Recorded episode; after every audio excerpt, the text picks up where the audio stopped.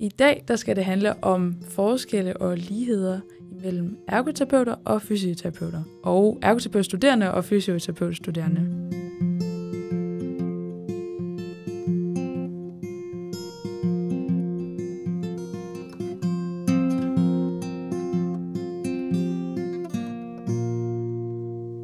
Velkommen til Ergoterapierne. Som jeg lige har sagt, så handler den her episode om, hvad for nogle forskelle og ligheder der er imellem fysioterapeuter og ergoterapeuter, og ergoterapeutstuderende og fysioterapeutstuderende. Dagens episode den bliver optaget sammen med os, som plejer at være her, ergoterapierne, Laura. Signe er her også. Signe og Lærke. ja, og så også sammen med to andre jeg hedder anne Sofie, og jeg er uddannet fysioterapeut. Det blev jeg i januar 23, og arbejder nu som klinikfys i Hornslet, Hornslet Fysioterapi og Træning. Og ja, så har jeg en podcast, der hedder Nysgerrig Fysioterapi. Yes. Og jeg hedder Christina, og jeg er fysioterapeut studerende på 7. semester.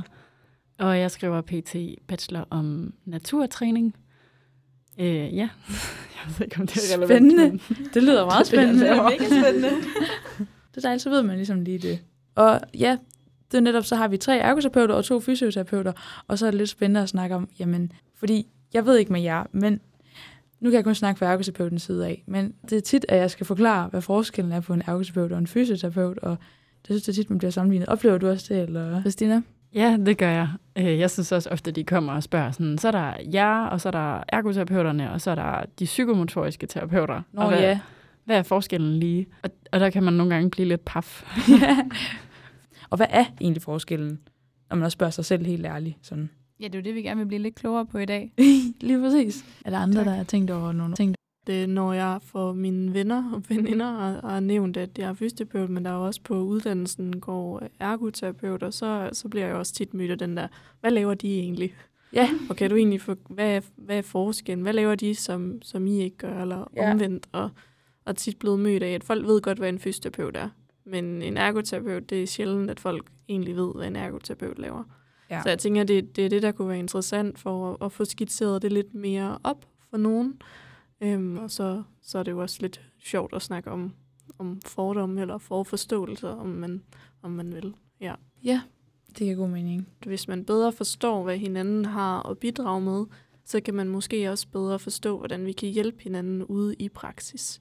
Ja. Så, og, og det er jo måske særligt i kommunen og på hospitalerne, at vi står i nogle situationer, hvor vi kan øh, gøre brug af hinanden, men, men jeg tænker stadigvæk, der er nogen, der arbejder derude, der stadigvæk er i tvivl om, hvad er det egentlig for nogle opgaver, jeg vil kunne trække på fra en ergoterapeut, som jeg ikke selv er så stærk i, og omvendt. Ja. Så jeg tænker, det er måske også det, der er måske endda mest relevant at finde ud af, hvad er det egentlig for nogle steder, hvor vi kan bruge hinanden. Ja, det giver da sygt god mening. Man kan godt mærke, at du lige er kommet lidt ud i praksis, anne Sofie. Super. Det vi skal i dag, det er jo, at lige for at sige, så en lytteren har en chance for at få følge med i, at hvad er det egentlig, der skal ske. Og det er at først så vil vi snakke om, hvad for nogle forskelle der er på ergoterapeuter og fysioterapeuter, og så vil vi snakke om ergoterapeuter-studerende og fysioterapeuter-studerende. Det tænker vi også med ind i det, når vi snakker om forskellene. Og så nævner vi jo kort noget om, sådan, hvad for nogle fordomme har man om hinanden. Det er også lidt spændende.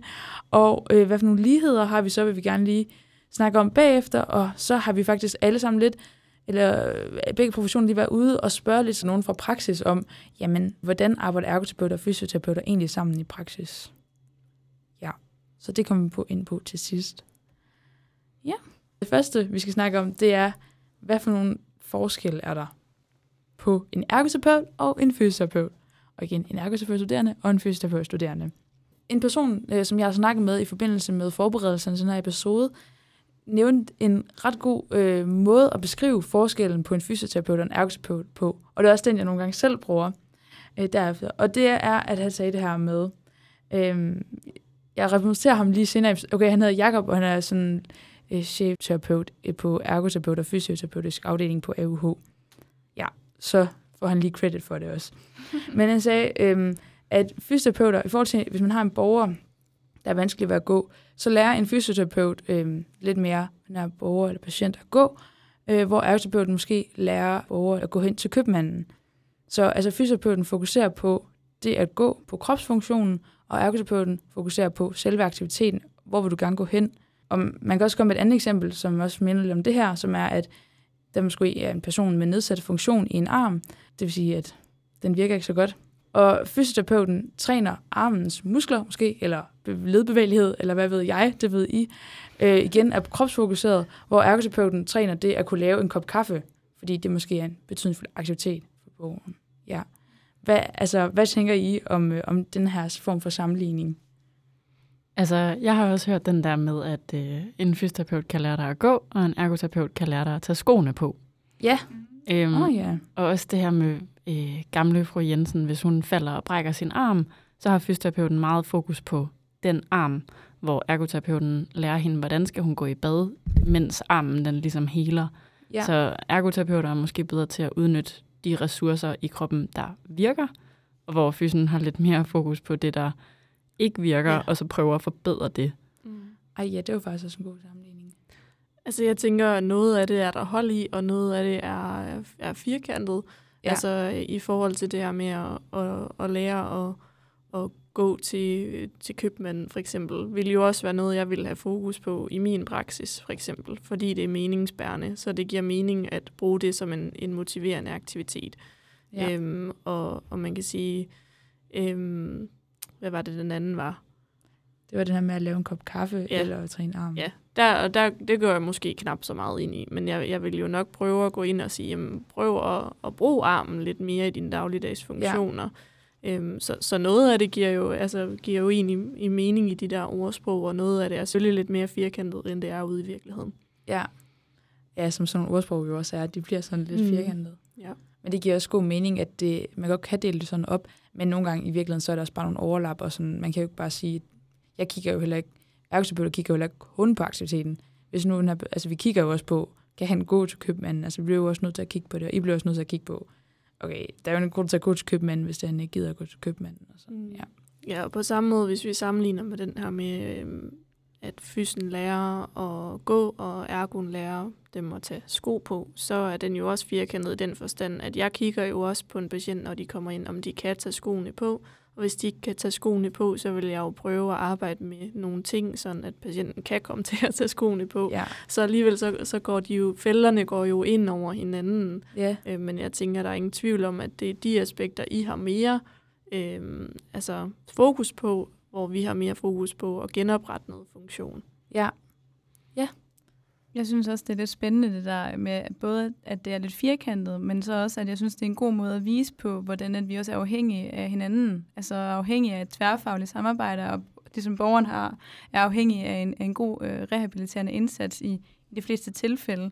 Og så tænker jeg også på det her med, at, at øh, jeg lagde jeg blev mærke i, I sagde det der med, at I har sådan fikser det der sådan er i stykker, hvis det giver mening, at vi sådan forbedrer det, der allerede er i en eller anden grad. Og det kan jeg virkelig godt se øh, mening i. Samtidig så tænker jeg også på det her med, at, at vi tænker også på, okay, du kan ikke lave den her kop kaffe, eller du kan ikke få de her skruer på, så tænker vi også lidt i samme retning, hvordan kan vi så komme til det, selvom det er noget, du ikke kan. Men jeg kan virkelig godt se sammenligningen. Altså, så det synes jeg bare var ret spændende. Og så også det der med, at I snakker om meningsbærende, altså sådan arbejde. Det synes jeg, det er sådan, hvis I kan udf- altså udfolde det lidt mere, det synes jeg er vildt spændende. At fordi du synes, det lyder jeg som forsøger. meningsfulde aktiviteter. det, det minder meget om noget, altså, altså jeg tænker, altså jeg, jeg har nogle associationer i forhold til, hvad vi har lært inden for ergoterapi. Mm. Og det er bare derfor, jeg også jeg synes, det er spændende at høre, hvad Ja. sådan jeres tanke er omkring det. Altså jeg kan i hvert fald sige, at når jeg får en patient ind, så bygger jeg jo hele min behandling op på, hvad det er, den patient kommer ind med og har brug for hjælp til. Og det bygger jo også på, hvad det er for nogle udfordringer, de har i dagligdagen, og hvad er det for nogle øh, ting, de godt kunne tænke sig eventuelt at komme tilbage til at kunne, eller kunne bedre, eller kunne med færre smerter, eller kunne med et større overskud. Så, så jeg vil jo aldrig gå ind og lave alle mulige interventioner, der ikke var meningsfulde for dem, og dermed ikke meningsbærende. Øhm, så jeg vil altid prøve at finde de aktiviteter, hvor den her, det her det giver størst mulig hvad siger man, sådan effekt på, øhm, på, på det, der er meningsfuldt for patienten. Så, så for eksempel er det, er det det her med at, at have svært ved at rejse sig og, og sætte sig, at man har mangler kræfter i benene, at man har svært ved at gå ud til postkassen, og det er det, der er meningsfyldt for dem, at kunne, så er det jo det, jeg vil arbejde hen imod. Så, så, er det jo ikke, så handler det jo ikke for mig om, at patienten kan løfte så så mange kilo. Så handler det om at nå målet til det, der er meningsfyldt. Så, så det tænker jeg, og det tænker jeg, at alle fysioterapeuter har et stort fokus på. Og, og det undrer mig meget, hvis, hvis de ikke har. Det er i hvert fald sådan mm. en del af, af den normale sådan resoneringsmodel og, og behandling. Og yeah. på det punkt, der er vi jo fuldstændig ens. Så. Mm. Fordi hele ergoterapien bunder jo, altså kerneområdet er det her, altså meningsfulde aktiviteter. Mm. Altså at man arbejder ud for noget, der er meningsfuldt. Ja, keywordet er aktiviteter i forhold til det. Ja, ja. Fordi alligevel så er det jo ikke ens. Fordi at det, det, der er ens, det tænker jeg, når jeg hører dig sige det, det er jo det her med, at vi tager udgangspunkt i mennesket. Mm. Altså, og det gør vi som professioner og som terapeuter, uanset om vi, der står fys eller ergo foran.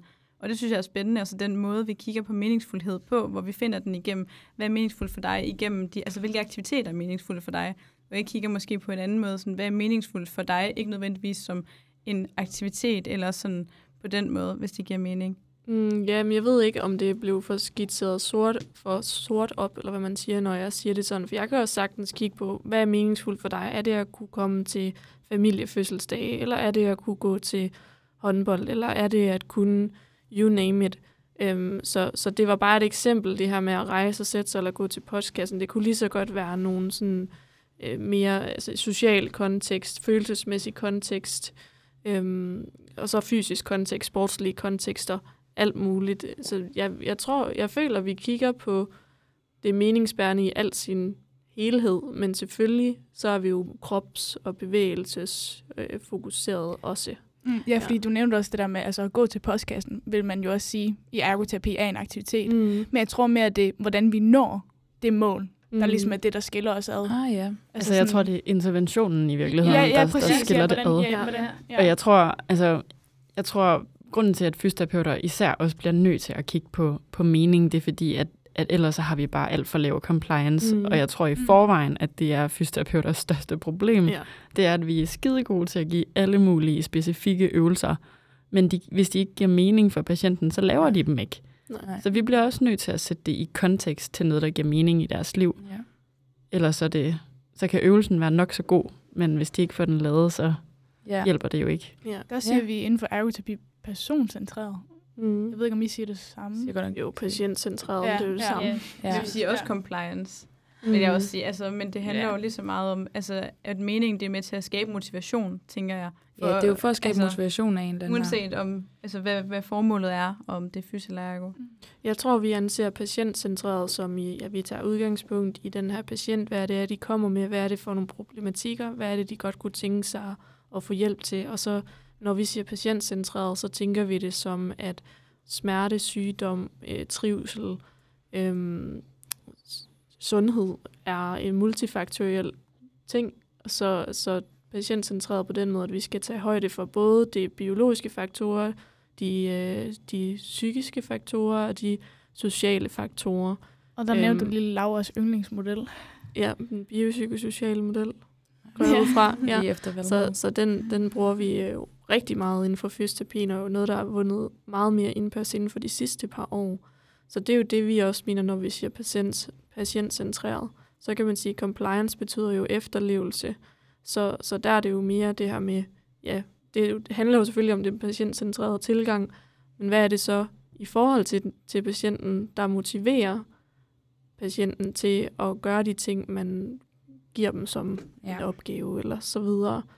Vi arbejder også med, altså, jeg ved ikke, på uddannelsen blev vi i hvert fald undervist i nogle teorier. En af dem er Antwonovsky, der mm. hedder oplevelse af sammenhæng. Ja. Den bliver nok også undervist i. Og det er jo det samme, altså der skal være øh, en mening med det for dem, før de efterlever det i højere grad. Ja, mm. så det vil sige, at vi alle sammen arbejder med, at det skal give mening for patienten. Mm. Ja. ja.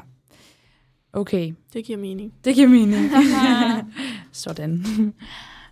Okay, nu skal vi lige videre til at uh, snakke om, uh, jeg har fundet nogle forskellige definitioner på, hvad er en ergoterapeut og hvad er en fysioterapeut.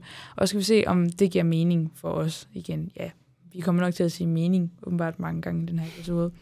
Men det første, det er definitionen på en ergoterapeut. Og ind på ETF's hjemmeside, som er Ergoterapeutforeningens hjemmeside, der står der, at ergoterapeuter har fokus på det enkelte menneskes muligheder for at udføre dagligdags aktiviteter. Og på Danske Fysioterapeuters hjemmeside, der står der, at fysioterapeuter holder mennesker i bevægelse gennem træning og ved hjælp af behandling. Giver det ok mening for jer, den her forskel? Lyder det ikke meget som det, vi også har snakket om med, at I måske har mere fokus på at holde bevægelse og gennem kroppen, og vi har fokus på de her daglige aktiviteter? Jo, altså til dels, ja. synes jeg. Altså, jeg synes jo også, der er meget i fysioterapi, der omhandler meget andet end bevægelse. Øh, jeg synes også, der er meget, der går på at, at hjælpe for eksempel med smerter. Ja. Eller måske at finde en, og nu laver jeg lige gåseøjne, det kan man jo ikke se, men årsagen til et problem, ja. kom til at sige, at gåseøjne, det er, fordi vi ikke altid kan finde en bagvedliggende årsag. Mm. Øhm, men, men det er jo også tit det, folk de kommer til os for, det er at finde ud af, jamen, er der en i gåseøjne, specifik årsag til det her, eller er der i hvert fald, kan vi udelukke, at det er noget alvorligt. Og så vil vi jo også ofte kunne, kunne hjælpe dem med at, at enten fjerne smerte, eller mindske den, eller i hvert fald hjælpe dem med at håndtere øhm, smerter, og give dem nogle værktøjer til at, til at, som udruster dem til bedre at kunne leve med de her smerter. Øhm, så, så man kan sige, at det her med at den er i hvert fald ikke en del af det, synes jeg. Man kan godt sige, at nedsætte smerter holder folk i bevægelse. Ja. Øhm, men så, ja. Så du vil gerne tilføje til den her definition af fysioterapeuter, at det ikke kun er bevægelse, I kigger på, men det er også måske kropslige, øh, altså arbejde med sin krop på en eller anden måde, altså smerter, at finde en anden måde at arbejde med det på. Jeg synes faktisk, det er svært at komme med en definition. Yeah. Øhm, jeg, jeg sad tidligere og prøvede sådan at kigge på, hvis jeg skulle definere det, hvad, hvad vil jeg så egentlig sige? Og jeg tror, jeg synes, det er ret svært at komme med en definition på, hvad er fysioterapi? Fordi fysioterapi kan være så mange ting, og som fysioterapeut kan du, kan du være så mange forskellige steder. Du kan have rigtig mange forskellige roller, rigtig mange forskellige arbejdsopgaver. Mm. Men, men hvis jeg skulle give et bud, så er, er det bare grundlæggende, at det er en profession, der prøver at hjælpe mennesker med problemer, gener eller udfordringer relateret til kroppen og til bevægelse, ja. men også i et vist omfang psyken. Øhm, men alt sammen i et, med et afsæt i, hvad mennesket selv oplever at have brug for hjælp til i deres liv og dagligdag. Og derfor så også bare, i min optik i hvert fald, meget bundet op på det her med at hjælpe vores patienter med en, en højere livskvalitet øh, via, ja, som vi snakkede om, meningsbærende interventioner og, og aktiviteter. Øhm, så så jeg tror, det jeg sådan hæftede mig ved ved den anden definition, det er, at det bare meget er bygget op, eller bundet op på det her med, at vi holder dem i bevægelse. Og det gør vi jo, det er jo det, vi gerne vil, fordi det ved vi er, er sundhedsfremmende og forebyggende. Øh, men jeg synes også, det, jeg tror det er mere også, end det. Jeg tror også mere, det er blevet sådan et slogan eller ja. motto frem for en definition. Mm. Altså ja. danske fysioterapeuter, vi holder folk i bevægelse. Ja. At det, fordi det gør vi, øhm, mm. og det er vigtigt, at vi gør det. Der er ja. jo rigtig, rigtig mange inaktive mennesker, så det, ja. det skal ja. gøres. Ja. Øhm, men jeg vil også give dig ret i, at jeg synes, det er mere end det. Mm-hmm. Altså, der er så meget andet, vi har i værktøjskassen, end bare bevægelse. Ja. Så når også ergoterapeuter, vi skal okay, lige sige, hvad er en fysioterapeut, fordi det skal vi åbenbart også forklare, hver gang vi skal forklare, hvad en ergoterapeut er. Så siger vi, de har fokus på at sådan, øh, ligesom du sagde, Sofie, at hjælpe mennesket med øh, krops... Hvad, ej, Nå, ja, nu har jeg allerede glemt det. Kan du sige? Kropslige gener. Kropslige gener, ja. At hjælpe Eller mennesker med kropslige gener gennem at kigge på deres, igennem deres eget perspektiv. Mm. Øh, med fokus på, at det også skal give mening for dem. Ja. Sådan basically. Det er det, jeg tror, min pointe var, at jeg synes, det er svært at komme med en enkelt sætning ja. på, hvad ja. fysioterapi er, men fordi det, jeg synes, den er så bred. Ja, altså, men det problem har vi også inden for ergoterapi. Altså, vi har lavet mm. hele to episoder om det, og vi ja. har stadig ikke et svar på det. Ja. Men altså, det bliver meget sort og hvidt lige pludselig. Altså, sådan, det rummer så meget mere, fordi ergoterapeuter er jo også med til at udrede, og mm. vi har jo også håndterapi, som minder utrolig meget om fysioterapi, altså sådan med øvelser og sådan meget kropsniveau lige pludselig. Altså, og det fanger den definition jo heller ikke, så Nej. det er også sådan, det, det er svært, når der er sådan to, hvad skal man sige, sundhedsfaglige fag, der er så brede og så oh. store. Åh oh, nej. Du... Det, det er en af de ting, som jeg altid har sygt svært ved at forklare. Ja. Det er det der med, at fysioterapi, vi kan altså sådan behandle kroppen, og så bortset lige fra hænderne. Mm. Det har Ja, ja, det ergoterapeuterne jeg heller fået ikke. som Har de taget patent på? Ja, altså det forstår jeg heller ikke. det- Når, når det er håndterapi, så er det virkelig lige fysioterapi. Mm. Altså Mhm. med Ja. behandlinger, øvelser ja. og sådan noget. Ja. Øhm, det er bare lige hænderne. Den har I fået. Og sådan, Ja, ja, for- hvornår altså- det skete. Men det er jo sjovt, er jo, at jeg oplevede det omvendte på psykiatrisk afdeling, hvor der var vildt mange fysioterapeuter. Hvor den ene fysioterapeut, der, der var på afdelingen, sagde sådan, at oh, hun forstod ikke, hvorfor der var så mange fysioterapeuter i psykiatrien, fordi det er som om, det er kun de hører aktivitet, så tænker de fysioterapeut, fordi det er bevægelse. Hvor hun var sådan, her gav det faktisk mere mening, der var flere ergoterapeuter. Så jeg tror, der er nogle områder, hvor det er sådan, på en eller anden måde... Ja, fordi historien har så formet, om og så har man lige taget lidt der, og så Ja, lige givet præcis. mening der, og så udvidet sig der. Og... Jeg synes også, det er lidt spændende, det der, du sagde bevægelse nu, Signe. Og det er også i forhold til, at I sagde det der med, at fysioterapeuter bringer, eller fysioterapeuter bringer øh, mennesker i bevægelse. Og der tænker jeg også, at det er, jo, det er ikke vores mål, men det, det er jo det, aktiviteter også gør oftest. Ja, og sådan der, noget. altså der tror jeg så også alligevel, at vores interventioner er oftest lidt mere på noget bevægelse, hvor man Mm. kan få lidt mere sved på panden ja. måske. Hvor at, at jeres aktiviteter kan vel også godt være sådan noget med at bage en kage. Ja, det præcis. kan være alt. Ofte. ja, og det, det vil vi sjældent, ja. hvis aldrig gøre. Jeg har bagt mange kager i praktik. Ja, og der de tænker jeg, det, lige godt. Du kan ikke at lade med. Nej, lige præcis. Så, øhm, så man kan godt sige, at for, i forhold til det, vi har snakket om, at jamen, fysioterapeuter fokuserer måske mere primært på kroppen og Mm. forbedring af kroppen, og så lidt sekundært, at det selvfølgelig også skal være betydningsfuldt for at kunne forbedre kroppen som det primære mål. Hvor ergoterapeuter kigger på at skabe mening og betydningsfulde aktiviteter som det primære, det er sådan overordnet, og så sekundært kigger vi på kroppen, hvis det er, at der er noget, der er nødvendigt øh, at tage højde for der, i forhold til at skabe meningsfulde aktiviteter. Ikke fordi I ikke også prøver at skabe meningsfuldt liv, men at I anvender mm. motivation, og det er sådan noget på den måde, til at kunne forbedre en funktion. Ja, jeg forstår, hvad du mener, og jeg tror, Ja. groft set kan man godt skitsere det så meget. Jeg har det bare stramt med at sige, Ja. at, at, at, det- at motivationen og det meningsbærende er det sekundære, fordi jeg føler, hos mig hænger det unægteligt sammen hele Ja. tiden. Men, men jeg er med på, hvad du siger, det her med, at, at det, er jo, det er jo det kropslige, vi tager udgangspunkt i, ja. at, øh, at det, det, det, det er vores sådan, øhm, primære intervention øh, går på, Ja. for så at komme til det, der giver mening. ja. Ja, Ja. og så bruger vi så det, der er motiverende og, og er meningsfuldt som en del af processen.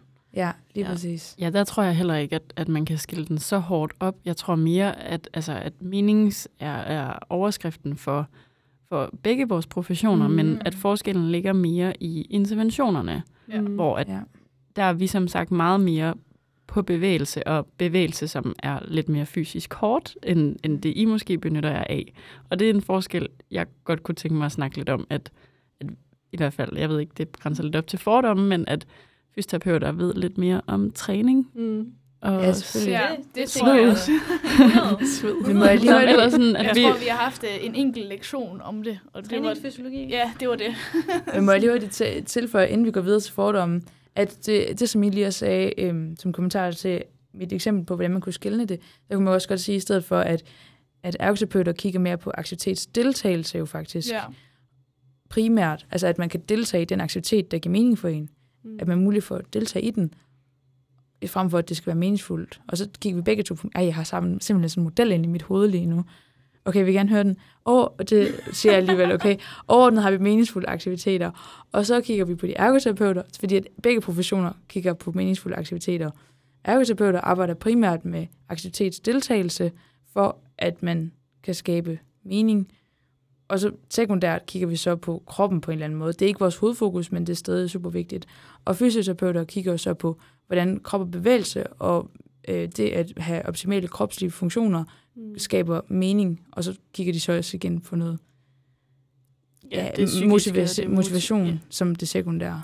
altså, vi kigger også på aktivitetsdeltagelse. Det er så Mm. bare, I har aktivitetsdeltagelse som det primære, Ja, hvor det er vores mere sekundære Ja. Mm. Ja. mål. Jeg vil ikke Mm. kalde mening det sekundære. Nej, nej mening, nej, det nej, bliver vi ja. enige om nu. Jeg kan ikke sige, at der er nogen, der går mere efter mening end andre. Det har vi godt. Det, Mhm. den er med. Men, den det er giver med. god mening, det du siger, Christina. Altså det her med, at, at, øhm, at det ligesom er, der er to boldgader, der hedder aktivitetsdeltagelse og kropsfunktioner. Og så alt efter hvilken profession det er, så er vi mere i det ene eller det andet. Og Ja, så at præcis. vi stadig har altså, afskygninger og de forskellige elementer i det, i, uanset altså, i det. Det er i hvert fald det, jeg sådan får ud af det. Ja, lige præcis. Jeg Ja, ved ikke, om det her det er en fordom, men kigger Skal vi på ordet aktivitet anderledes? Altså, jeg- hvordan vil I definere aktivitet inden for altså fysioterapi? Det kan være alt. Ja. Okay, det kan også være alt. Ja. Ja, det er det Jamen, det er Ja. super. Det er da Ja. godt Så at få det det kan også være sådan noget som det det at, at game. ja, det vil nok Ja. bare aldrig være en aktivitet, Nej. vi vil foreslå, Okay, men det ja, kan være en ja, aktivitet, ja. ja. Okay, fedt. Der ligger også lidt fordom i luften. Skal vi bare hoppe på den med det samme, så... Det tænker jeg Det tænker jeg. Battlefield. Ja. Tit når det er, at man, man er tæt op af hinanden, så har man også bare brug for, kender det ligesom en søskende? Eller er der ikke også bare mange vidt, som, som for eksempel, ligesom for eksempel, når det er, at Norge, eller Sverige og Danmark skal spille fodboldkamp, så er det rigtig vigtigt, at man vinder. Kan I godt følge mig lidt? Mm. Ja. Det der med, når man er tæt på hinanden, så, så, så, så er der bare et eller andet, man ikke lige, jeg åbenbart ikke lige kan forklare. Men Altså man kan også sige, når vi nu bruger ordet fordom, så er det jo allerede negativt Ja, lavet. præcis. Mm. Det Så man kan jo sige, hvis vi skulle gøre det på en mere positiv måde, der ikke var negativt lavet på forhånd, så kunne vi sige forforståelse, som er jo et ord for det samme. Øhm, Ja. ja. Fordi det er jo vores forforståelse, der udgør vores øh, fordomme, men fordomme er jo negativt lavet. Ja. Helt enig. skal vi så ikke bare starte med de negative? Laura, hun vil gerne starte en krig. Jeg har ikke nogen selv, faktisk. Jeg har ikke forberedt Nej, vi er meget civiliserede mennesker alle sammen. Det tænker jeg ikke, der bliver noget problem. Ja. Ellers så må Øh, I klippe det ud. Ja. Ej, men men, øh, til sådan en skrig. har I fysioterapeuter en fordom omkring os ergoterapeuter? Altså, jeg ved ikke, om det er fordomme, eller om det nærmere er sådan en forforståelse, men altså, jeg tror, den, den største forskel, der lige popper op i mit hoved, det er, at der er lidt flere, der godt kan lide at træne og få sved på panden blandt fysioterapeuter, end der er blandt Mm. ergoterapeuter. Ja, det, det er nok også den primære hos mig, at fyser er langt mere både i, som intervention, træningsfokuseret, men også personligt træningsfixeret, og den trænings fysisk aktive mennesker kontra ergoterapeuter. Og det er jo en fordom. Altså, Ja, det er man- jo en fordom. Hvis man skulle stille det op som en fordom, Altså, altså, der lød meget negativ, det- så skulle Ja. det være sådan, fysioterapeuter er i bedre form. ja. Men det er sjovt, præcis. det er sjovt, at vi som ergoterapeuter har måske også en lidt, der spiller ind i den. Altså Mm. med, at i hvert fald her på, altså på campus plejer vi at sige, at man kan altid spotte en fysioterapeut, Ja. fordi Ja. de har træningstøj på. Mm. Og det er det eneste, de går i. altså sådan, Ja. Og det spiller også lidt ind i den, altså sådan, at ja, ja det I, I har mening. den fordom også, at vi er, altså, du sagde jo doven, men du har forforståelse. godt forforståelse, at Ja. vi er dogne, men vi har også den forforståelse, at I altid går i sportstøj. Altså Ja. sådan, Ja. Det gør vi også. Så, men det, altså, den er, der er jo sandhed i det. Ja. Ja, ja, Jeg det vil er sige, det, altså, der er virkelig sandhed i den til den grad, at jeg, vil tænke, jeg tænker, at øh, generelt set vil der være flere, tror jeg, der træner fysioterapeut, end der er flere, der træner ergoterapeuter. Men de fleste ergoterapeuter, kender, træner rimelig tit. Øh, I hvert fald af Mm. jer. Mm. Øh, altså studerende i hvert fald. Ej, ikke de fleste. Mange af dem vil jeg så sige. Ikke de fleste. Men Men, I træner, og I træner nok også, altså I har nok også et højere aktivitetsniveau, øh, altså fysisk aktivitetsniveau, end øh, i jura, eller Ja, altså, ja. Ingeniører, øh, altså en, en hver anden faggruppe. Men ja. sammenlignet med fyser, så tror Ja. jeg bare, I kommer til kort. ja, det gør vi. Vi kan godt prøve at tage en battle i et eller andet den dag. En battle. altså, vi træner jo meget bordtennis her på skolen. Men jeg ved også, at på campus, der bliver elevatoren kaldt for ergotrappen. Ja, men Øhm, altså, det giver ikke nogen mening. Og det vil jeg gerne lige tilføje til, at det er altså, hvis vi har kaffe. Fordi det er så... Ej, det er fandme ikke en god undskyldning, venner. etage, ikke også? Så det er så hårdt Ja, at gå. Nej, Det er farligt. Okay, Det- men, det er men faktisk også- hører til på tredje. Og vi tager kaffen med op det ad trappen, venner. og da jeg skrev bachelor, vil jeg lige sige, der sad vi altid op på fjerde, og der tog vi sgu også trappen med kaffe. ja, men det er jo Ja, ja, faktisk men- det er jo potentielt sundhedsskadeligt. altså. Man kan jo altså- brænde sig. Jeg tror, det har noget med bachelor at gøre, fordi mit, øh, mit gennemsnits, øh, hvad hedder det, skridtmål eller sådan noget, det er også bare steget efter, vi begyndte at lave bachelor, fordi vi sidder på fjerde og bare går ned og henter kaffe hele tiden, og så går op og ned. at, som du også nævnte, nu det der med fordomme, og nogle gange kan bekræfte sig selv, og så bliver det lige pludselig sådan, det er, hvor det, du også siger, at fysioterapeuter, klart, træner jo meget. Ergoterapeuter, måske bare almindelige øh, mm. træner, men så fordi man skal sammenligne med så får man til at ud som om, at ergoterapeuter er sygt dogne, og bare sådan, Ja. og de topper elevatoren, og øh, noget, alt muligt. Hvor det er sådan, okay, altså, vi er bare normale. Altså, Mhm. mm. Fordi at det kan jo også komme til at skabe et billede af, at ergoterapeuter er bare sådan nogle mega dogne nogen. Ja, ja. Og man gider jo ikke være doven, fordi så er man jo også doven i det ene og det andet. Sådan, giver det mening? Jo, jo. Sådan, Ja, ja, at fordomme, de er, ja, Men det er jo igen, fordomme er negativt lavet. Altså, Ja. ja. der, I hvert fald lige når vi snakker på den her måde, så, så, øh, så kommer det til at blive lidt groft. Ja, ja, og det må det gerne være. Og, det er jo bare, meget snakke. generaliserende. Apropos det her med fordomme om, hvordan fysioterapeuter ser på ergoterapeuter, så ved jeg, at du, anne Sofie, har snakket med en underviser, en fysioterapeutisk underviser. Jeg har snakket med Christian, som er øh, lektor her på fysioterapeutuddannelsen, og, øh, og fik bare lige spurgt ham en gang, hvad han tænkte fysioterapeuter er, eller fysioterapi er for en størrelse, og hvad ergoterapi er for en størrelse, og hvordan vi så adskiller sig, adskiller os, og så om man havde nogle fordomme henholdsvis over for fysioterapeuter og øh, for ergoterapeuter. Der er selvfølgelig et bias, der er, når man selv er fysioterapeut. Men, men øh, jeg spurgte ham i hvert fald om det, alt andet lige, og, øh, og der, hans svar, det kommer her. Hvis du, Christian, skulle svare på, hvad fysioterapi er, hvad vil du så sige? Jeg vil sige, det er en, et fag eller en profession, en semiprofession, hvor vi har særlig fokus på kroppen og på bevægelser. Og mm. måske også noget fokus på det patologiske, mm. altså i modsætning til idrætsfolkene. Ja. Og hvis vi så snakker det psykiske, er det en del af fysioterapien? Det synes jeg, det er. Altså, ikke psykisk-psykisk, men sådan mm. øh, det fysisk-psykiske og det, det psykisk-sociale. Altså, når det, når det spiller ind på vores kroppe og på mm. vores bevægelser, hvad det tit gør, Ja. altså, så rækker det ind i vores domæne, mm. vores felt, kan man sige. Ja. Mm. Hvis du så modsat skulle svare på, hvad en ergoterapeut er for en størrelse, Ja. eller ergoterapi er for en Ja. størrelse. så kan man jo lufte alle fordommene. Mm.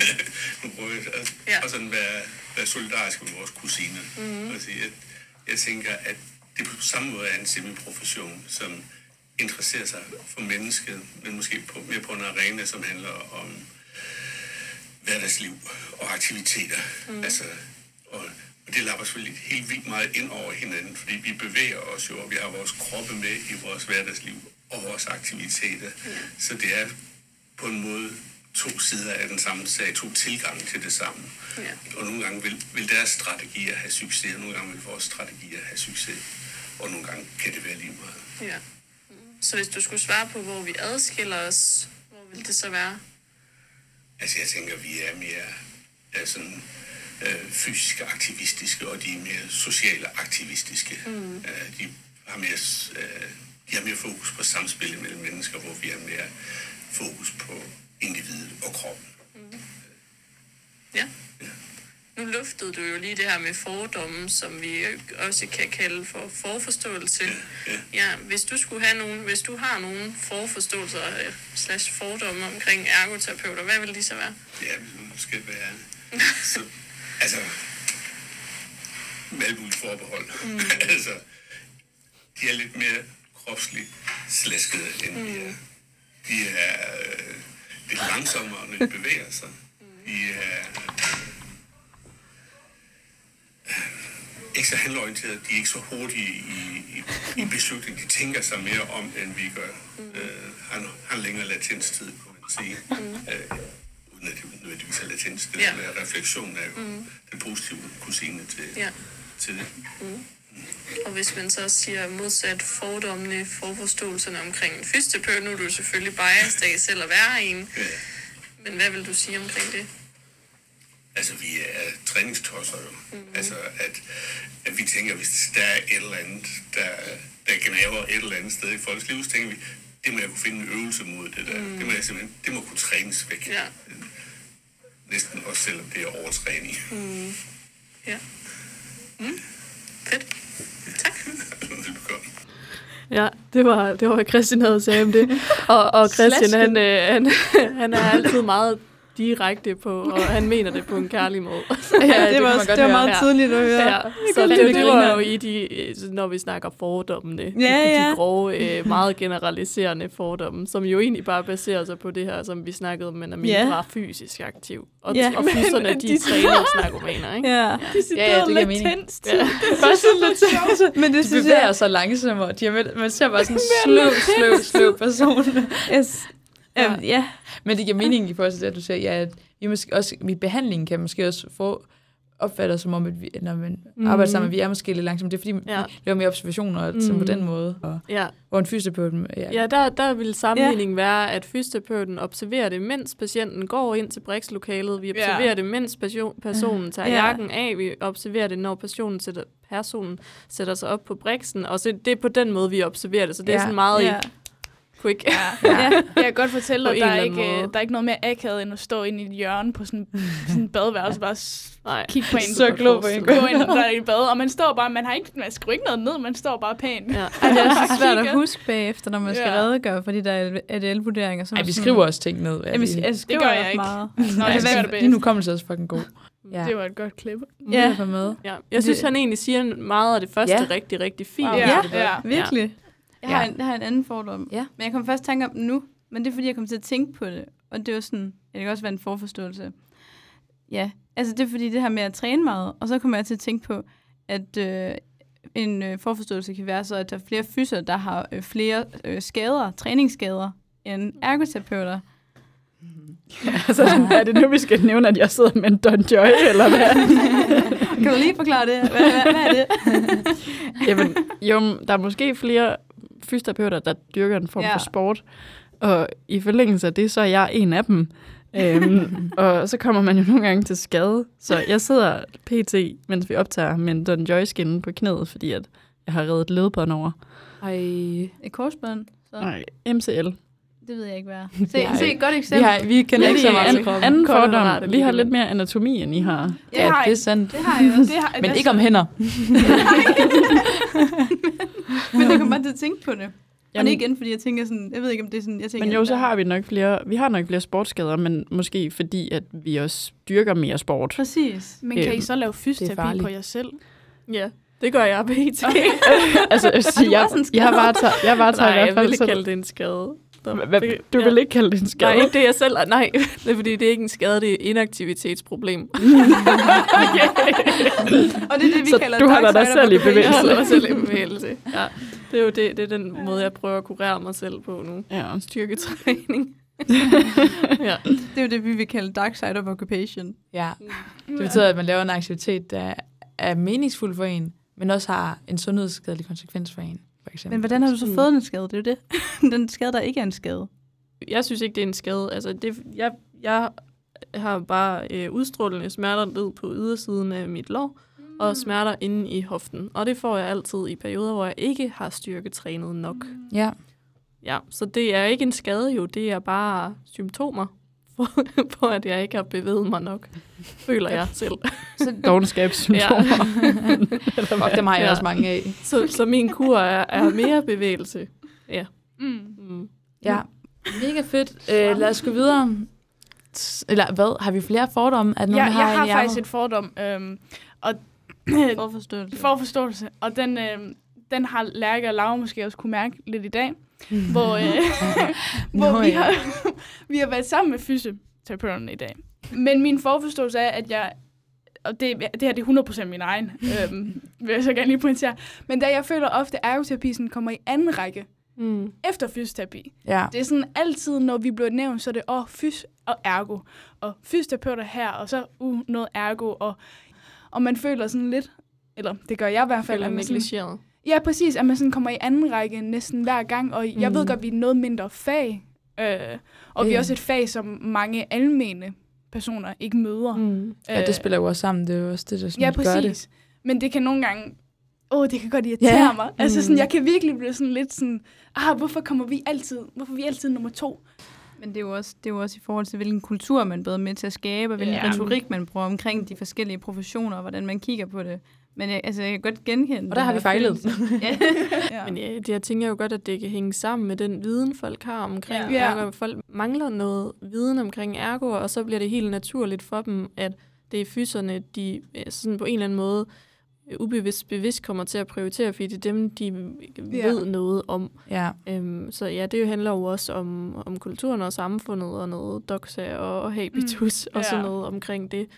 Øhm, men, men det er da ærgerligt, det skal, skal være sådan. Men ja, jeg ved, jeg ved ikke. Og, og Ja, I mærker jo ikke til det. det. er Ja, præcis, man. Og det dummeste er jo, at, at jeg sidder så her og bliver sur, sur på andre Ja. ja. fysioterapeuter, hvor det er sådan lidt, det er jo, det er jo bare, hvordan samfundet er bygget altså Mm. op og sådan Ja. noget. Men ja, nogle gange tager man det lidt mere personligt. I forhold til de her fordomme, så tror jeg også, mange har en fordom, det har jeg nok også selv, om at øh, noget af det ergoterapi går meget ud på, det er også sådan noget som hjælpemidler. Mm. Og Nå ja. give hjælpemidler og hjælpe til med, eller finde ud af, hvilke hjælpemidler, der kan, kan bruges og så videre. Og så er det så, hvis vi sådan lige siger ved siden af det, så tror jeg, det, at jeg tænker, en ergoterapeut også gør, det er sådan noget synkebesvær, måske tale, tid. Jo ja, så er det fine motoriske sådan med ja. Ja. hænderne. Ja.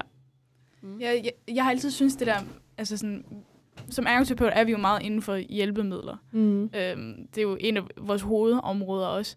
Men jeg har altid synes det har været meget sjovt, at vi også har stået for altså, ganghjælpemidler. Mm. Altså sådan en indstilling af en, af en rollator er også et ergoterapeutisk område, hvor jeg sådan lidt, altså jeg ved godt, det er et hjælpemiddel, men det har noget med gang at gøre, som jeg ind i mit hoved synes er noget fysioterapeutisk. mm. Hvor jeg altid synes, det har været sjovt, at det har været vores opgave at skulle indstille den, når jeg tror, en fysioterapeut kunne meget bedre vurdere deres gang med en rollator, end jeg ville kunne. Mm. Det, Øhm. det leder mig også meget over i, det, vil du gerne sige det færdigt? Eller? Jamen, jeg var færdig. Ja, det er også i forhold til, i de her interview, vi har, som jeg nævner senere, der er der også en, der, der nævner det her med, at fysioterapeuter kan godt hjælpe med mange ergoterapeutiske opgaver, og ergoterapeuter kan godt hjælpe med mange fysioterapeutiske opgaver.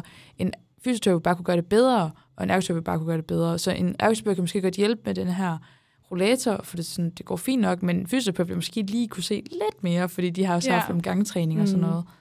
At, at der kan man også se, den, altså selvfølgelig er der også nogle ting, som vi ikke kan hjælpe med, hinanden, som, Ja. vi, som en ergoterapeut ikke vil kunne gøre som en fysioterapeut Ja, som er en det, fysioterapeuts hovedopgave. det synes jeg er jo men- interessant at kigge på. Hvor er det? Fordi ja, der tænker jeg, der er der i hvert fald sådan noget som øh, dysfagi, synkebesvær og sådan noget. Det vil vi jo ikke ane, hvad vi skulle gøre med Nej. som fys, og det har vi ikke nogen øh, undervisning i.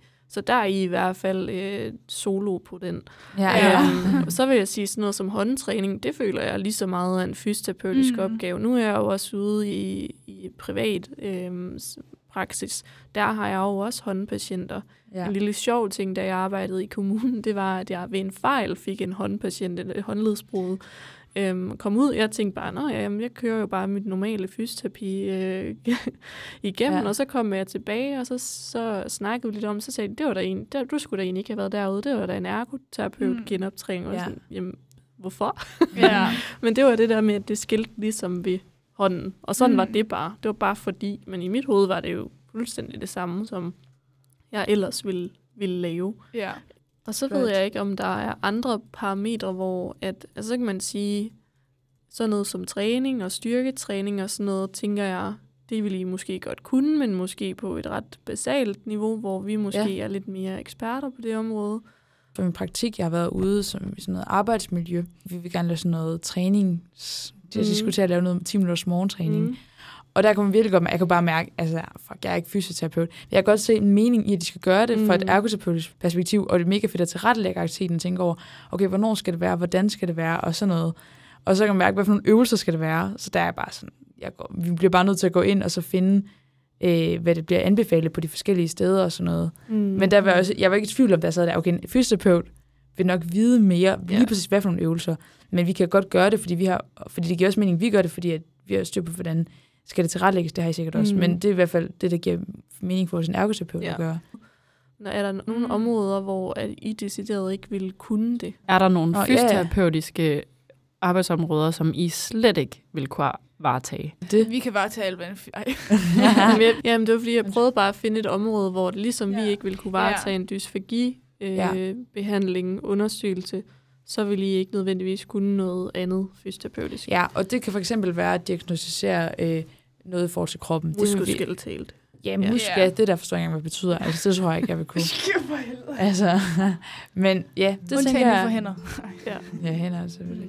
Ja. Det tænker jeg, at vi kan sætte de to ting op Det er sådan hinanden. den grove øh, den grove. sammenligning. Ja. Mm. Ja.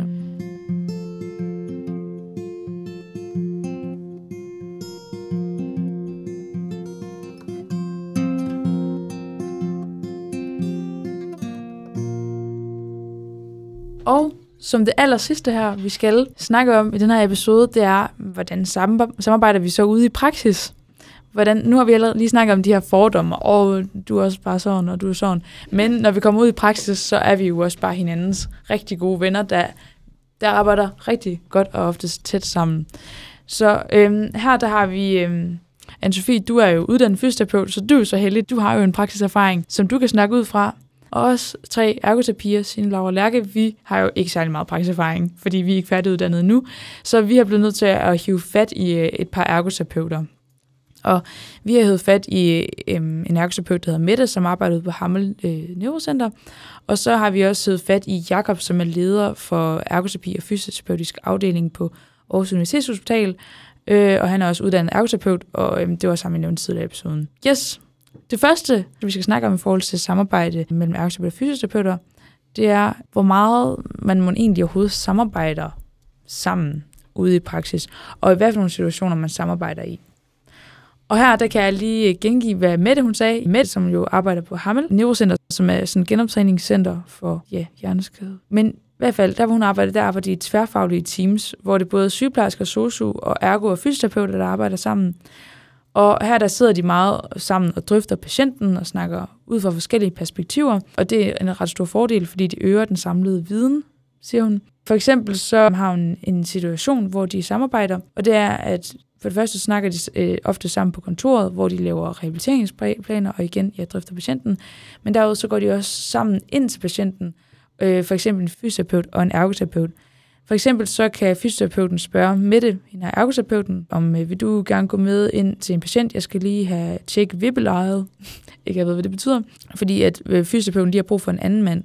Og så siger Mette, øh, jamen så kan vi, kan vi så ikke også godt putte en aktivitet på, når han er mobiliseret, altså patienten, fordi så kan vi lave noget med noget dysfagi, siger hun på en lidt mere sej måde. øh, og Jakob, som vi også har snakket med, han beskriver også det her samarbejde, hvor at man hjælper meget hinanden. Ergoterapeuten hjælper for eksempel fysioterapeuten ved forflytninger, og ved spisning kan fysioterapeuten varetage delelementer af aktiviteten. Hvis man så det udefra, siger han, så vil det ligne en flydende bevægelse, og man måske har svært ved at se øh, og nuancere, hvem der gør hvad, og hvilke opgaver hver især har. Og det flyder lidt sammen. Øh, her nævner Jakob så, hvis det var, ligesom det måske var i gamle dage, hvor det ikke var så meget tværprofessionelt samarbejde, så vil fysioterapeuten måske kun være den eneste, der var der, når de, de lavede forflytninger, og ergoterapeuten vil kun være den, der var der, når en patient spiste. Vi er sådan siloopdelt. Ja, så han påpeger dermed, at vi gør tingene sammen, men med forskellige fokus, og dermed supplerer hinanden. Nå, Ansvi, altså, hvordan samarbejder du egentlig med en ergoterapeut? Nej, altså pt. så arbejder jeg jo i øh, privat praksis, og der er vi kun fysioterapeuter. Så er der godt nok også en psykolog ansat, men hun arbejder altså selvstændigt. Øhm, så, så når man er i klinik, så vil det ikke være typisk, at du har noget form for samarbejde med en ergoterapeut. Nej. Øhm, så, så den lille erfaring, jeg har inden for samarbejde med ergoterapeuter eller, eller generelt et tværprofessionelt samarbejde, er for, for tre måneders arbejde i kommunen. Ja. Øhm, men, men det, jeg kan sige derfra, som man ikke skal tage nødvendigvis for gode varer kvæg den korte tid, men, men det, der var i det der, det var, at vi sad på kontor sammen. Fyser og ergoer sad sammen, og så var der faktisk også åbent ind til sygeplejerskerne. Så på den måde var der rigtig meget sådan, øh, i hvert fald mulighed for tværprofessionel sparring. Og man havde jo ofte, når det er ude i kommunen, så er det jo ofte, at nogle af dem, der har fysioterapeutiske genoptræningsplaner, har også ergoterapeutiske genoptræningsplaner. Så på den måde kunne man jo snakke med hinanden om patienterne og sige, hvad tænker du? Tænker du, at der er behov for en ergoterapeutisk øh, intervention her? Og omvendt ergoerne spurgte jo nogle gange, hvad tænker du, er det egentlig, fordi der er behov for noget mere øh, fysioterapeutisk øh, øh intervention her? Jeg havde for eksempel en, en apopleksipatient, som, øh, som havde, jeg arbejdet med ham i forhold til noget gangfunktion, og hans bad var over på øverste etage, der var tre etager op. Og øh, han tog selv bade nede øh, i den underste etage, fordi han ikke kunne komme op ad trapperne. Og, og indtil at han sådan kunne komme derop, så gav det ikke så meget mening med den her ergoterapeutiske intervention i forhold til at hjælpe ham med at gå i bad og tjekke det ud, fordi han kunne ikke komme op ad trapperne endnu. Så det var jo sådan lidt et samspil med, at så kunne jeg ligesom clear den, når, når han var nået dertil, nu kunne vi godt gå op ad trapper, så sagde jeg til ergoterapeuten, nu er det trygt og sikkert, nu kan I sagtens gå op og lave den øh, intervention eller mm. sammen. Så var der også det ved det, at jeg så opdagede, at han havde noget øh, besvær med sin hånd, og jeg tænkte, øh, særligt i sådan noget spisesituationer, følte han, det var svært. Så tænkte jeg, det er jo en oplagt mulighed for en ergoterapeutisk intervention, så jeg vendte det med ergoterapeuten, og så tog hun med ud en dag, jeg alligevel skulle have ham, og så tog vi besøget sammen, hvor hun så lige undersøgte for, jamen giver det mening, at du får det, og er det egentlig noget, du sådan ville finde en mening i? Og det, det gjorde hun så, om det var sådan en kortvarig intervention, så var jeg lidt den primære på det, og så, øh, så skulle jeg ligesom informere, hvis der skete nye ting. Men så havde hun ligesom givet ham nogle øh, redskaber, blandt andet sådan en trykpude, jeg kan ikke huske, hvad de hedder, et eller andet tysk, føler jeg. Øhm, Dr. Vin- Dr. Ja, Winkler. tak, lige præcis. Det var det, det, det var da sådan lidt tysk, er det ikke det? øhm, ja, sådan og givet ham nogle andre redskaber, han kunne arbejde med, og så fulgte jeg faktisk sådan lidt op på det, så hun ikke skulle tage der ud, når jeg nu alligevel var der i forbindelse med noget gangetræning og noget styrketræning og sådan nogle ting. Det er jo også et tæt samarbejde, du beskriver yeah. der. Så det er jo ret tæt, og i kommunen tror jeg, det er ret typisk, at man har de der samarbejder, fordi du kommer ud til de samme borgere, så, så det, Ja. ja. det vil jo være helt vildt underligt ikke at snakke sammen. Men det giver da god mening, og spændende at høre om, sådan, hvordan fordelt opgaverne mellem jer. Det næste, vi skal finde ud af, det er, mm, hvilken forskel er der så imellem de opgaver, som en ergoterapeut varetager i praksis, og de opgaver, som en fysioterapeut varetager i praksis. Og der øh, kan jeg lige fra en ergoterapeutisk vinkel lige sige, hvad det er, at Mette og Jakob har svaret på det. Det første, som Mette hun har nævnt i den her forbindelse, er, at øh, der, hvor hun arbejder på Hammel Neurocenter, der er det ret skrabt op, opdelt imellem, hvad ergoterapeuter foretager sig, og hvad fysioterapeuter foretager sig. På Hammel for eksempel forflytningerne, det er for eksempel fysioterapeuterne, der varetager den del. Det ved jeg ikke, hvad du har erfaring med det, men mm, jeg synes egentlig også, der er et rimelig stort skæld. Altså som vi har snakket om, så hvis det er nede omkring hånden, så bliver det ergo. Øh, altså jeg tror, det er forskelligt fra kommune til kommune, Ja. for jeg har også hørt flere, der siger, at så, så er det en meget flydende overgang. At så, det, Ja. så handler det ikke, så er det ikke en, en fysioterapeut, der kommer ud, det er heller ikke en ergoterapeut, det er en terapeut. ja. Men, men i hvert fald, der hvor jeg har været, der har det været en fys eller en ergo. Så du Ja. får enten en fysioterapeutisk genoptræningsplan eller en ergoterapeutisk genoptræningsplan. Og jeg Ja. tror også, det er sådan, det er langt de fleste steder efterhånden. Men, Ja. ja. men det, jeg oplevede i, i øh, kommunen, var jo også, at, altså, at, at ergoterapeuterne øh, kom ud og vurderede sådan noget som øh, hjælp til Øhm, øh, ja, jo også sådan noget som, som madlavning eller rengøring og sådan noget. Det vil jeg Ja. jo aldrig nogensinde gå ud og gøre. Mm. Så, så min funktion som fysioterapeut vil være at tage ud og kigge på øh, funktionstabet, eller funktion eller aktivitetsniveau. Øhm, Det giver god mening. Så det er sådan, du har set på det i forhold til de forskellige opgaver, som en ergoterapeut Mm. varetager, en fysioterapeut aftager. Jeg tænker også, det er vigtigt, at man har de her skil i forhold til det, du også snakkede om øh, før, Anne-Sophie, det der mm. Med, at, at åh, så ved jeg her, der skal jeg kontakte ergoterapeuten. Og ja. som jeg også nævnte med gang, at åh, så ved jeg, at her, der skal jeg kontakte fysioterapeuten. Så jeg tænker også, det er derfor, det, det er vigtigt at have de der skæld. Ja, og så Ja. kende hinandens Ja, opgaver. præcis. Man ved, hvornår man skal kontakte hvem. Det her med at, at kende, med, kende sine egne kompetencer. Mm. Vide, hvor, hvor rækker jeg til, og hvor, hvor går den ikke længere. Altså sådan ja. at have noget selvindsigt i, Mm. hvad kan jeg egentlig, og hvad kan jeg ikke, i stedet for at forsøge på at lave fysioterapi som ergoterapeut. Ja. Eller altså, omvendt, altså sådan på den måde. Ja, jeg kender det sine han- egne begrænsninger. Ja, Ja, Lige det synes jeg også præcis. er fint. Ja. Sådan at det handler ikke om, at, sådan at, at man skal dele det op, men Nej. mere sådan det der med, hvor man selv kommer til kort, og så Mm. kunne søge noget hjælp. Altså, Ja, så Ja. ja. det er den sammenhæng også huske på, det som Jakob har nævnt, det der med, mm. at, at nogle opgave, mange opgaver vil begge parter kunne, kunne udføre, Mm. Men den ene vil kunne gøre det bedre, så man skal kende sin egen grænse og sige, okay, jeg kan, jeg kan måske godt gøre det her som ergoterapeut, men en fysioterapeut vil bare kunne gøre det langt bedre, så Ja. her går den altså til. Ja, Mm. fedt. Jamen, jeg tænkte, vi skal videre til den sidste øh, punkt omkring det her, hvordan det er, at man samarbejder i praksis. Og det er, vi vil gerne lige kigge på, jamen altså, hvad er fordelene så ved at have det her samarbejde? Og der har øh, Mette fra Hammel, hun nævnte, at det her med, at ergoterapeuter og fysioterapeuter på en eller anden måde kender hinanden godt. Hun synes, at når man kommer ud i praksissituationer, hvor fysioterapeuter og ergoterapeuter samarbejder, så sporer man så hurtigt ind på, hvad det er, at hver især kan, fordi vi kender hinanden så godt. Hun nævner også noget med, at hun har observeret, når det er, at sygeplejersker og sosuer arbejder sammen ude på hendes, øh, ude på Hammel, hvor hun arbejder, så kan hun også bare mærke, at der er et eller andet, de forstår i deres samarbejde, fordi de også på en eller anden måde har nogle fælles referencerammer, som også det samme, der gælder for ergoterapeuter og fysioterapeuter, at vi lidt forstår hinanden på nogle punkter. Mm. Ja. Og Jakob han nævner også det her med, at øh, vi kender hinanden rigtig godt. Han siger, at jo bedre man kender hinandens faglighed, jo større respekt og jo mere kommunikation om hinandens faglighed, jo bedre er man sammen. Giver det sætning mening? Mm. Ja, Okay, fordi-. Øh, på grund af, at der er ligheder mellem fysioterapeuter og ergoterapeuters øh, grundkompetencer om området, vi arbejder på.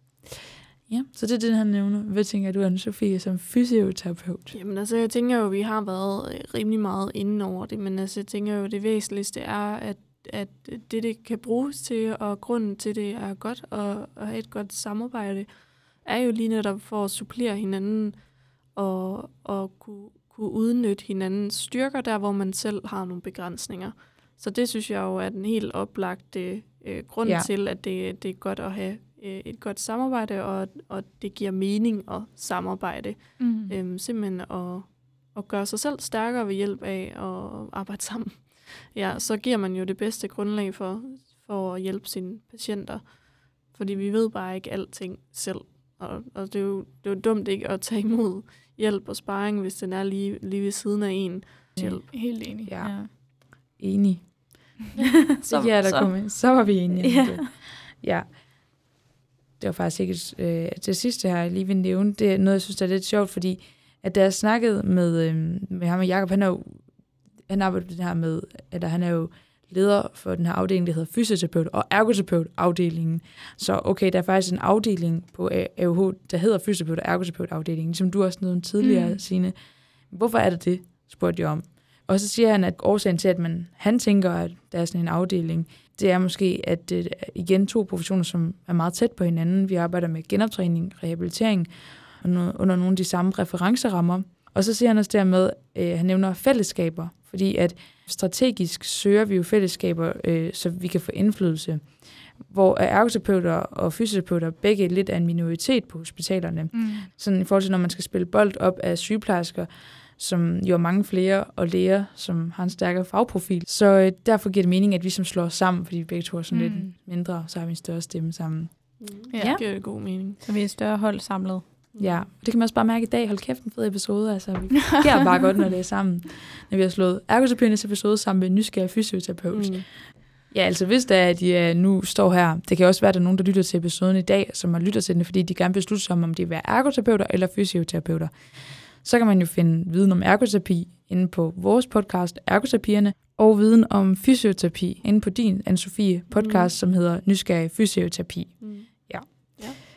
Og så kan I jo ligesom vælge derudfra. Altså, jeg vil nok tænke, I skulle vælge ergoterapi. men det må jeg selvfølgelig selv om. Og på den note vil jeg bare gerne sige tusind tak for at have været med. Tak til Christian, til Mette og til Jakob for at være med. Og til dig, Christina, og til dig, Anne-Sophie, for at have været med i dagens episode og hjulpet med at skabe et mere nuanceret billede af forskellen og lighederne mellem ergoterapeuter og fysioterapeuter. Tak for i dag.